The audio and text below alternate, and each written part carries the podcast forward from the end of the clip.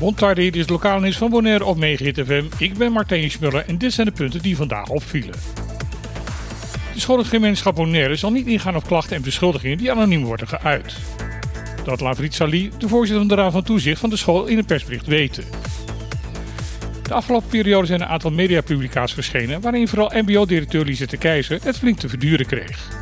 Ze werd ervan beschuldigd misbruik te hebben gemaakt van haar positie en ook zou ze van de leiding van de school allerlei privileges hebben gekregen.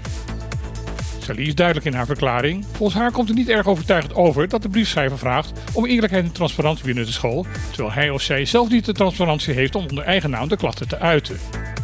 Met anonieme klaagskant bestuur volgens haar niet mee in dialoog gaan.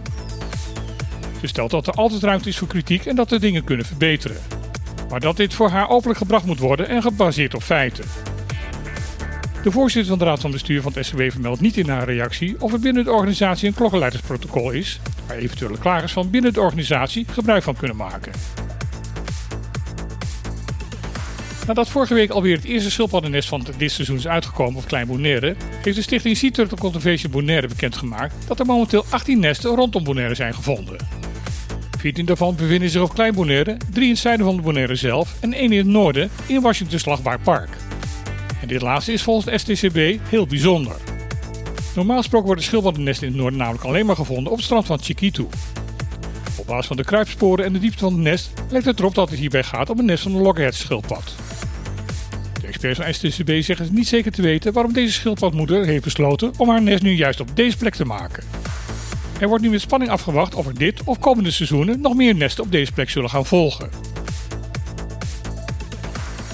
In de grote ontslaggolf op ons buureiland bij de nationale televisie en de Tele Curaçao is het hele management van de zender vrijwel op staande voet ontslagen. Dat is te lezen in een artikel op Curaçao.nu.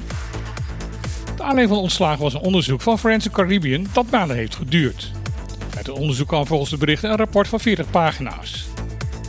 Drie leden van de directie, Louis Tai, Laureana Salazar en Johnny Pieter kregen daarna te horen dat ze vier dagen de tijd kregen om op dit rapport te reageren.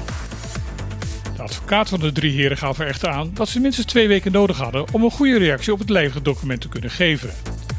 Desondanks kreeg ze zondag via een mail van de algemeen directeur Terence Hernandez te horen dat ze om dringende reden met onmiddellijk ingang waren ontslagen.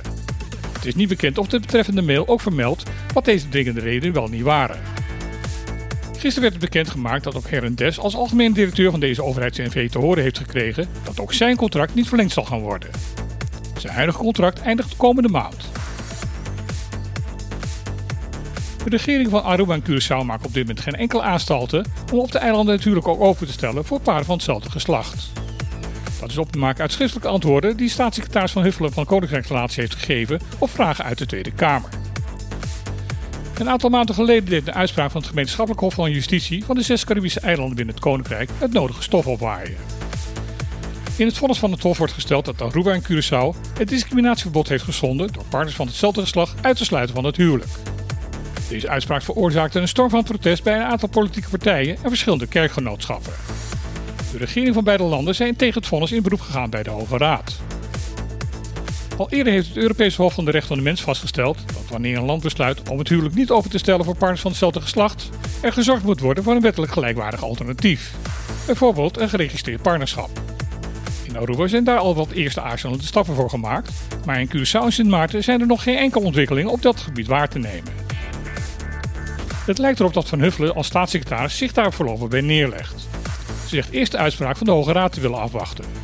Het duurt meestal diverse jaren voordat de Hoge Raad tot een oordeel komt. Dit was weer het lokale nieuws van vandaag op Megahit FM. Ik wens iedereen nog een mooie dag toe, zonder vooroordelen. Dan heel graag weer. Tot morgen.